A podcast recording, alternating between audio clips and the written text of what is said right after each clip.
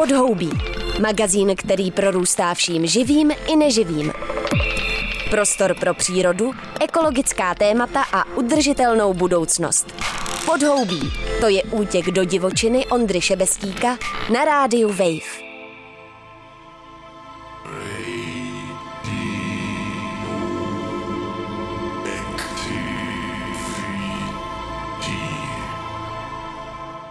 Sobotu 15. dubna proběhl na několika místech v České republice Den proti úložišti. Úložištěm se myslí hlubinné úložiště vysokoaktivních jaderných odpadů a čtyřech happeningů se zúčastnila všechna čtyři místa, která jsou v nejužším výběru, kam by se odpad měl podle zprávy úložišť radioaktivních odpadů od roku 2050 ukládat. Jde o lokality Janoch u Temelína, Březový potok v Pošumaví, Hrádek na Jihlavsku a Horka na Třebíčsku. Místní samozprávy nejsou nutně jen proti úložišti samému, jako hlavně proti přístupu státu, který nepřipouští rozhodovací pravomoc obcím při výběru lokality. Den proti úložišti se konal už po sedmé a jeho organizaci zaštiťuje platforma proti hlubinnému úložišti. Jejíž sekretářem je expert na energetiku a ekologický aktivista Edward Sekvenc, který je taky hostem dnešního podhoubí. Dočetl jsem se, že Česká republika eh, vyprodukuje 4000 tun eh, vysoce radioaktivního odpadu. Tak eh, mě by zajímalo, jaký jsou strategie nebo možnosti s tímhle odpadem nakládat, jaký vůbec existují technické možnosti a jak vlastně vypadá to uložení do posud. Tak těch 4000 tun a ono jich bude nejspíš více, pokud bude Česko stavět nové reaktory, tak projekt hlubinného uložiště, o kterém se asi budeme bavit, je na dobrých 10, ale možná i 12 tisíc tun vyhořelého jaderného paliva. E, ty tisíce tun jsou hlavně na ty vysoce aktivní odpady, které je potřeba uložit prakticky navždy. Jak vypadá vlastně to uložení jaderného odpadu momentálně, v tuhle chvíli? Momentálně je pouze skladováno. Eh, já to ještě malinko roz, eh, rozliším. Jsou odpady eh, z přírodních radionuklidů, ty končí v hlubinném uložišti bývalém uranovém dole u Jáchymova. Pak jsou různě radioaktivní odpady z průmyslu, z nemocnic, ale i z jiných třeba provozů, které jsou nízko a středně aktivní a neprodukují žádné teplo, tak ty končí v úložišti Richard. Ty jsou nebezpečné řádově po stovky let. Pak jsou podobné odpady eh, z jaderné energetiky, ty končí v úložišti v areálu jaderné elektrárny Dukovany. A pak máme ty vysoce aktivní, které hřejí, ještě tisíce let budou produkovat teplo díky rozpadům uh, nuklidů v nich obsažených. Uh, zejména je to vyhořelé jaderné palivo a potom tam přijdou ještě odpady z likvidovaných jaderných elektráren tak ty odpady jsou zatím skladovány. Eh, po vytažení z reaktoru eh, se nejprve chladí do deseti let v bazénech vyhořelého paliva vedle, vedle reaktorů a potom jsou přeloženy do kontejnerů, eh, které stojí v meziskladech a skladech vyhořelého paliva v obou jaderných elektrárnách. Do roku 2028 by mělo být vybráno místo, momentálně jedno ze čtyř míst, kde by mělo vzniknout tohle hlubinné jaderné úložiště nebo úložiště jaderného odpadu. Proč tenhle datum, nebo víme, že se hledá už od roku 2003 v Česku, a proč v roce 2028 momentálně by mělo dojít k tomu finálnímu výběru toho místa? V roce 2003 eh, to dochází takové aktivnější fáze výběru úložiště, kdy už byly eh, oznámeny některé konkrétní lokality.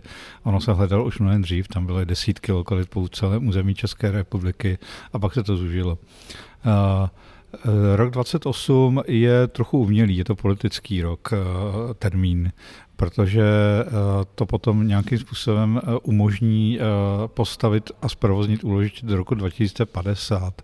A 2050 je termín, které, který jsme dostali od Evropské komise pokud chceme označovat jadernou energetiku za trvale udržitelnou technologii v rámci tzv. taxonomie Evropské komise a tím pádem čerpat eh, třeba levnější půjčky, eh, prostě nějaký finanční nástroje, tak bychom měli mít postaráno o ten nebezpečný jaderný odpad a Evropská komise tam dala termín roku 2050. Česká zpráva úložišť eh, na to reagovala změnou harmonogramu a bohužel ho zkrátila i v té prvotní fázi, přestože nemáme zatím data z toho geologického podloží a ty jsou naprosto klíčová pro nalezení bezpečného místa pro hlubinné úložiště, tak zkrátila celé tyhle ty práce na polovinu, bude na to asi tři a půl roku, aby se mohlo už v roce 2028 vybrat. Osobně si myslím, a respektive ukazuje to celý harmonogram, že ten prostor pro zkrácení byl i v těch dalších etapách. Pořád tam máme ještě dalších více jak 20 let eh, na eh, ty povolovací práce na podzemní laboratoř a další, další výzkum a průzkum. Takže tam se dalo zkracovat bez toho rizika, že bychom to dělali na špatně vybrané lokalitě. Takže každá země Evropské unie, která pracuje s jadernou energetikou, by měla mít svoje jaderné nebo uložiště jaderného odpadu, nebo se to může časem nějak skonzolidovat na několik míst v Evropě? Eh, v této chvíli eh, je taková filozofie, produkuju svůj odpad, musím se postarat o svůj odpad. Zatím jsou ale země, které úplně nepřipravují úložiště, třeba Slovinsko, přestože mají s Chorvatskem spolu jadernou elektrárnu a možná jdou cestou, že očekávají, až to někde bude postavené, aby si potom zakoupili ten prostor. Ono totiž to úložiště je extrémně drahé. Je ten projekt, který už dneska teda finančně bude taky překonaný, ale zatím známe náklady jsou 130 miliard korun na vývoj a, a provoz toho českého hlubinného úložiště. A znamená to obrovské potom riziko do budoucna z hlediska ochrany, střežení a, a nedává moc smysl, aby každá země, která provozuje v Evropě jadernou energetiku, si postavila takhle drahé zařízení a, a zajišťovala tu, ten servis a to střežení do té daleké budoucnosti. A proč teda zrovna Česko se do toho takhle pustilo po hlavě? Tak Česko je hodně eh, na jadernou energetiku zaměřená země. Máme tady od těžby uranu z jeho zpracování až teda po to, že hledáme hlubinné úložiště. Máme tady dneska v provozu šest velkých jaderných reaktorů, chceme stavět další, chceme stavět malé reaktory, máme tady výzkumné reaktory, takže toho jaderného odpadu je tady relativně dost, takže proto asi z toho ta úvaha, že i Česko by mělo postavit jaderné úložiště a aktivně touhle cestou jde. Vy jste se na začátku ptal i na jiné možnosti, co s tím. V této chvíli toto je jediná, jediná vlastně filozofie, která se razí. Schováme podzem, eh, odpad zmizí a vlastně není a jaderná energetika je tímto čistá a, a bezproblémová. Ono, ono tak není. Uh, jsou i jiné koncepty, třeba zatím ho má Holandsko v Evropě, to je dlouhodobé skladování. Oni ví, že technologie se vyvíjí, eh, včetně technologií toho bezpečného uložení, třeba nějaké separace těch radionuklidů z vyhořelého paliva, eh, aby v tom nebyly ty nejvíce eh, aktivní prvky, které se rozpadají strašně dlouhou dobu, ty 100 tisíce let, po které to je vlastně rizikové. Takže uh, očekávají, zda se vývoj technologií a to všeho se někam neposune. A do té doby zajišťují bezpečné střežení v chráněných uh, skladech na povrchu, kde to mají pod kontrolou. Momentálně jsou v tom nejužším výběru čtyři lokality, Březový potok, Janoch, Horka, Hrádek, tak jsou spíš pojmenovány, než jsou, jsou na katastrech různých obcí, podle čeho se vybrali tato místa a jak na to reagují ať už obyvatelé nebo zprávy na, na těchto místech. Ten výběr byl dlouhodobý, ten, původně bylo lokalit 8, pak podstupně některé se přidávaly, kde stát očekával, že by mohl být větší souhlas eh, obyvatel. Byly to lokalita u uranových dolů, pak se hledaly lokality ve vojenských újezdech. Nakonec se přidaly lokality u jaderných elektráren, zase z důvodu většího očekávaného souhlasu veřejnosti, protože jinde teda eh, ten souhlas nenacházeli, spíše odpor a různé aktivity více či méně eh, právní a další proti tomu záměru hledat tam uložiště. A e, na konci roku 2020 skončila ta první etapa výběru, která e, šla hlavně z dat, které jsou známy z povrchu, ještě se nevrtalo do podzemí a vybrala jako nejvhodnější tyhle čtyři lokality, které jste zmínil. E, mají krycí názvy od zprávy uložiš, prostě to jsou místa, které obvykle v té lokalitě nezbuzují žádný zájem, prostě lidi ani nemyslí, že to tam je u nich ale ve skutečnosti ano, ono to je nějaký třeba bezejmenný kopec Janoch, ne, neznámý, má jméno Janoch u Temelína, ale znají ho, znají ho jenom ty nejbližší, nejbližší sousedé. A e, ta otázka je, jak se k tomu staví dneska. Spíše nesouhlasí. Na té lokalitě Janoch byli přidáni až v poslední době, takže tam ti starostové sice mají jasnou deklaraci, nesouhlasí, ale nepůsobí příliš aktivně, ale místní lidé ano. A třeba takovou ukázkou teď v sobotu 15. dubna eh, celorepublikový den proti úložišti, kdy na všech těch lokalitách proběhnou, ať už za spolupráce obcí a místních spolků, různé akce, veřejné akce na vyjádření toho nesouhlasu. Co tak musí geologicky splňovat taková lokalita, aby byla vhodná pro uložení nebezpečného odpadu na stovky tisíc let? Tak eh, musí to být stabilní, to v první řadě. Nesmí tam dojít k nějakému porušení, nesmí tam být někde žádné zlomy, už jen z důvodu pohybu, eh, aby, aby vlastně nedošlo k nějakému poškození těch kontejnerů. Ale to, ta druhá podstatná věc, nesmí tam dojít eh, k proudění vody. Nejenom dneska, to se dá samozřejmě odvrtat a zjistit, ale v té budoucnosti právě přes ty zlomy. Což třeba Česko hledá úložiště v Žule nebo v Rule v případě toho Temelína, která je stabilní, ale zase je náchylná k tomu rozpukávání a k tomu ty lám, těm zlomům. Musí si uvědomit, že zároveň musí ta, ta lokalita splňovat eh, podmínky pro odvod tepla. Eh, to, ten odpad i v těch kontejnerech nadále hřeje a nesmí se přehrát v tom místě, musí to být teplo rozváděné do, do té horniny. A ne, pokud by tam byly nějaké zlomy, tak to může vlastně uh, přerušit ten tepelný tok.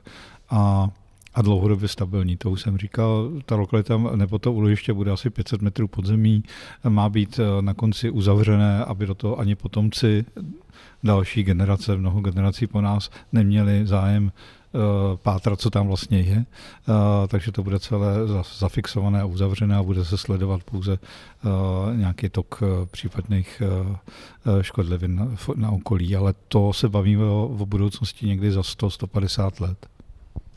Já jsem si vzpomněl včera večer, že jsem vlastně viděl dokument o vzniku jaderného úložiště ve Finsku a pak jedno už asi funguje v Americe, jestli se nepletu, kde probíhala soutěž na grafické zpracování právě toho, jak označit to místo pro případné budoucí generace, kdyby náhodou došlo k nějakému přerušení uh, civilizačního kontinua a nastala nějaká, nějaká nová doba, ve které současné symboly už přestanou být srozumitelné aby vznikl nějaký jako univerzální jako jazyk, jak případně i jako nelidským entitám dát najevo, ať jako do té lokality nevstupují, což je hrozně vlastně uh, zajímavý uh, takhle nad tím jako uvažovat, že v takhle dlouhodobých měřících člověk uh, v podstatě jako nepracuje. No, jako a pak je taky názor, že by se to třeba nemuselo označovat vůbec, nebo jak vůbec nějakým symbolem jako Stonehenge něco takového jako sim, opravdu symbolického, co přetrvá věky. Uh, jako když si uvědomíme, co bylo v Evropě před pouhými deseti tisíci lety, kde všude byl třeba uh, ledovec, kde byl oceán, jak vypadal kontinent, tak jako ty proměny jsou obrovské.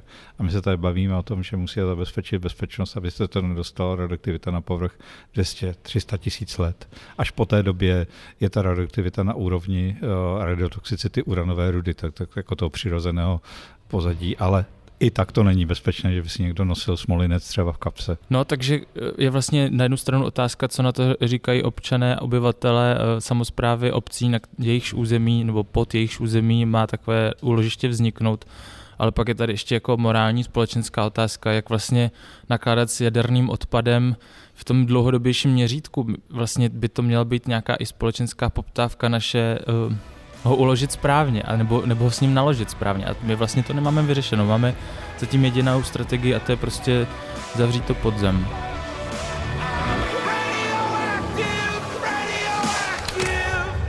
No a ještě strategie neprodukovat takto nebezpečný odpad.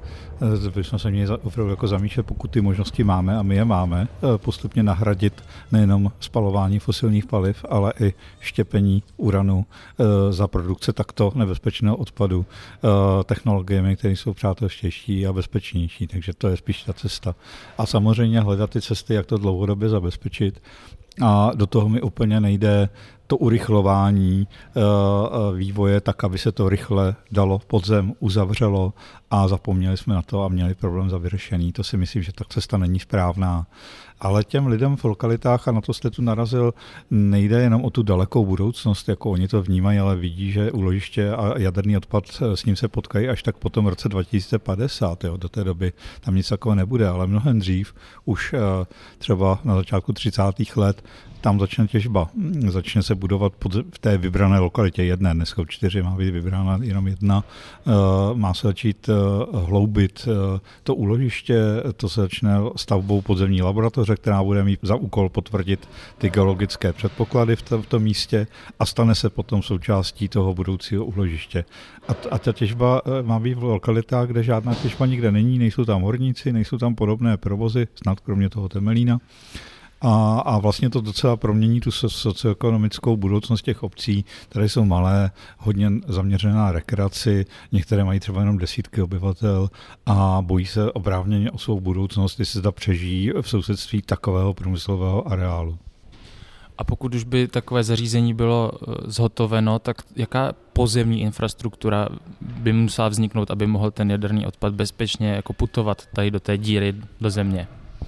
Pokud jde vyloženě o tu dopravu, tak eh, kromě silničních přípojek a veškerých energetických a vodovodních a dalších přípojek, tam bude železniční vlečka eh, postavená k nějaké jiné trati připojená a ten odpad bude putovat velmi pravděpodobně, teda dneska to ještě není 100% rozhodnuté, jak z Dukovan, tak z Temelína po kolejích. Eh, bude putovat v těch stávajících kontejnerech, ve kterých stojí ve skladech a teprve na místě toho hlubinného úložiště, jak zní projekt, se má přeložit do těch ukládacích. To jsou jiné kontejnery, které mají vydržet mnohem více než ty, ve kterých se to skladuje. A to ale také znamená, že na tom místě, kde je hlubinné úložiště, vznikne v podstatě jaderné zařízení, kde se bude manipulovat s vysoce radioaktivním materiálem, který, kdyby u toho byl člověk, tak zemře eh, v řádu třeba, dostane smrtelnou dávku za několik minut, kdyby byl u toho vyhořelého paliva, když se otevře kontejner, takže se to musí vyloučit, jsou tam vlastně horká, vznikne horká komora, roboticky obsluhované překládání a, a musí být zajištěna dokonalá filtrace vzduchu z té komory, aby se radioaktivita nedostala ven. Ale tím pádem vzniká nové jaderné zařízení v místě toho úložiště. Ve Švédsku a ve Finsku eh, se s takovým úložištěm už počítá. Ve Švédsku teda vybrali místo, ve Finsku je víceméně dokončeno, ještě do něj teda neukládají. Nicméně tam se o to ty obce spíš trochu prali, kdo bude mít na svém území uh, takové úložiště, jestli se nepletu. Uh, čím to je, že ty přístupy jsou takhle rozdílný? Uh, prali a prali je otázka. Jo. Uh, ve Švédsku tam byl trošku jako zájem uh, dvou posledních lokalit, ale byla také jedna, která byla před několika desítkami let vyřazena, protože nesouhlasila a stát to respektoval. Celý ten rozdíl mezi skandinávským přístupem a českým je v tom, nakolik se dává těm obcím, samozprávám místním právo o tom spolu rozhodovat to je přesně ten princip, který funguje ve Finsku, kde souhlas obce, ve Švédsku v podstatě taky. Finální souhlas tam vždycky dá vláda ale předtím je vyžadován souhlas té obce, zda s tím souhlasí nebo nikoliv a pokud nesouhlasí, tak je to respektované a je to zajištěné vlastně i tou legislativou. V Česku ne, v Česku je to takový ten silový přístup vůči těm samozprávám, stát nejlépe ví a jeho odborníci, kde to má být a nejlépe rozhodne. Eh, my usilujeme o změnu, eh, Eh, vzniká i na poput obcí. Eh, zákon zkráceně nazvaný o úložišti teď je aktuálně v parlamentu, ale v té verzi, v jaké jde z vlády, úplně nesplňuje představy obcí, ten souhlas, souhlas samozpráv tam nedává, ale eh, mírně posiluje ty procesy, pouští obce do řízení, kde dosud nebyly, dává tam roli parlamentu, který má na závěr ten výběr finální lokality posvětit. Nicméně eh, obce se snaží toto změnit, chtějí tam ten souhlas obcí dát, protože to zároveň staví je do pozice lepšího partnera pro vyjednávání se státem. Je asi jasné, že někde to uložiště, pokud nezměníme celý koncept, eh, co s jaderným odpadem vzniknout v Česku bude muset, ale mělo by vzniknout eh, na základě dobrovolnosti. Ty obce by měly mít dobrou vyjednávací pozici, být na naroveň se státními úřady a dokázat se s nimi vyjednat případně patřičné kompenzace za to, že tam uložiště bude. Nesou dany na libovůli zákonodárce, že jim dá nějaké zákonné kompenzace, ano, dostat, budou dostávat to nějaké peníze, ale oni je nevnímají jako dostatečné. Přece tento objem uh, vůči tomu, že tam může zaniknout třeba uh, obytná funkce vesnice, uh, vůči tomu, co dostanou, je jako rozdílný. vlastně ten princip dobrovolnosti je důležitý a ukazují to i zkušenosti právě ze světa, i ze Spojených států amerických, kde, které vybra, vybrali už před časem jako lokalitu pro federální úložiště Yucca Mountain v Nevadě. Ale vlastně ne, ne, vůbec nedali prostor místním komunitám, a to jsou indiánské komunity, ale ani státu Nevada, eh, aby se o tom spolu rozhodli.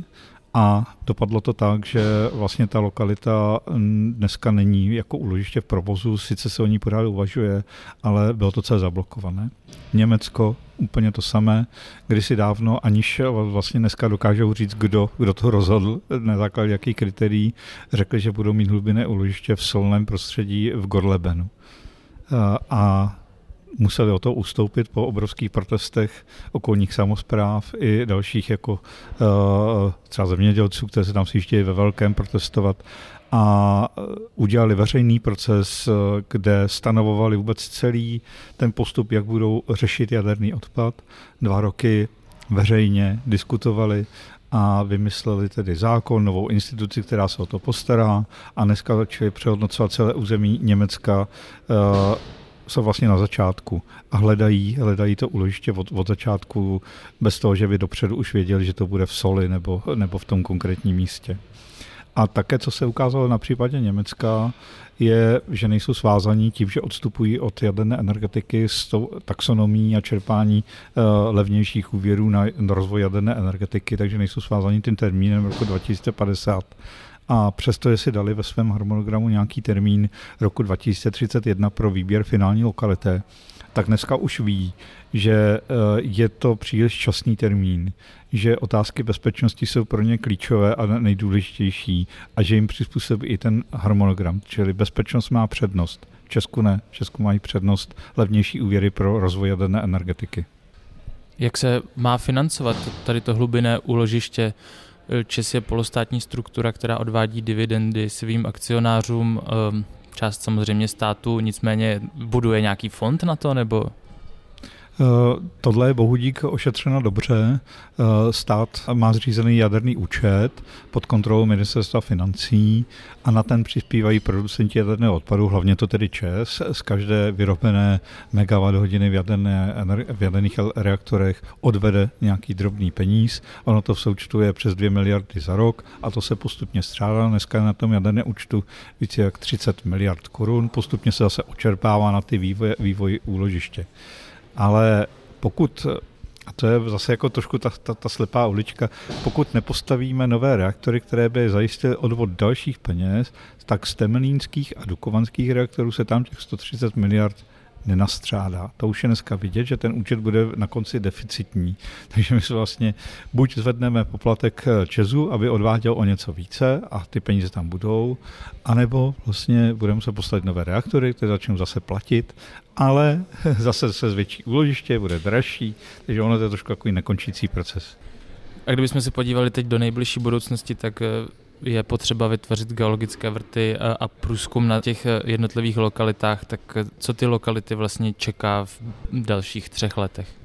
Uh, ono je čeká už teď. Uh, probíhá správní řízení na povolení průzkumných území na těch čtyřech lokalitách. To je vlastně základ. Bude-li povoleno, tak potom uh, si zpráva úložišť nechá uh, povolit ještě projekty geologických prací a ty konkrétní vrty a provede to. V roce 2027 by měly skončit ty geologické práce, dojde k hodnocení a v roce 2028 by měla dostat vláda na stůl návrh jedné hlavní a jedné záložní lokality pak začne povolování té podzemní laboratoře v té finální lokalitě a měla by potom být uh, začít ta stavba uh, nejprve laboratoře a ve 40. letech i v samotného úložiště. Nicméně mluvili jsme o tom, že existuje odpor lidí, na jejich území to úložiště má být. 15. Eh, dubna je den proti jadernému úložišti, stejně tak existuje platforma proti hlubinnému úložišti, tak máte pocit, že tenhle typ hnutí má potenciál s tímhle scénářem, který jsme teď nastínili, nějak hnout? Eh, sám o sobě ne. Eh, ty akce mají spíš upozornit eh, na ten problém, ono se na ní docela zapomíná, protože kdo nežije v těch lokalitách, tak, tak nevnímá, že někde se hledá nějaké uložiště nebo to příliš nepálí, takže ono to má upozornit přes média, hele, tady je, tady je problém, který se týká tolika obcí. Je to více dneska, více jak 30 obcí. Funguje tady platforma, která smysl má, protože propojuje aktivity ze všech těch lokalit. Ona je propojovala už těch, které byly vyrazeny, zatím nám tam zůstávají, protože se pořád cítí s otazníkem ohrožení, jsou pořád jako záložní, kdyby někde něco selhalo. Takže zastupuje zájmy 53 členů většinou obcí, ale i spolků z těch lokalit, které tam vznikly. A takhle jako společným, společnou silou eh, vystupuje vůči státu, vůči politikům, eh, vůči vládě, parlamentu a snaží se o ty systémové změny. To je role té platformy a ukazuje na to, že by to šlo všechno dělat jinak. Eh, stát zatím celkem odolává, ale ne, nevždy. Posunuje se, ten zákon o úložišti je drobný posun. Některé, některé kroky, které stát plánoval, musel vzdát. Ty geologická průzkumná území vlastně neměl povolený, nakonec to stát vzdal, protože mu to soudy schazovaly jedno průzkumné území po druhém. Obce se bránily i touhle cestou. A myslím si, že jako dokážeme já pracuji jako sekretář té platformy proti úložišti, tak dokážeme jim dávat takový ten odborný servis eh, starostům i, i lidem ze spolků, jak vůči tomu státu postupovat a zatím myslím, že to smysl má.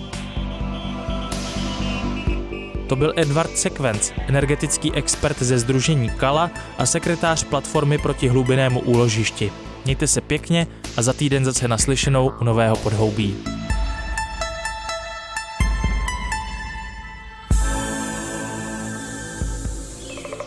Chybí ti čerstvý vzduch a ptačí cvrlikání?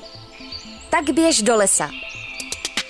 Nebo si pusť podhoubí třeba uprostřed betonové džungle. Přihlas se k odběru podcastu na wave.cz lomeno podcasty a poslouchej podhoubí kdykoliv a kdekoliv.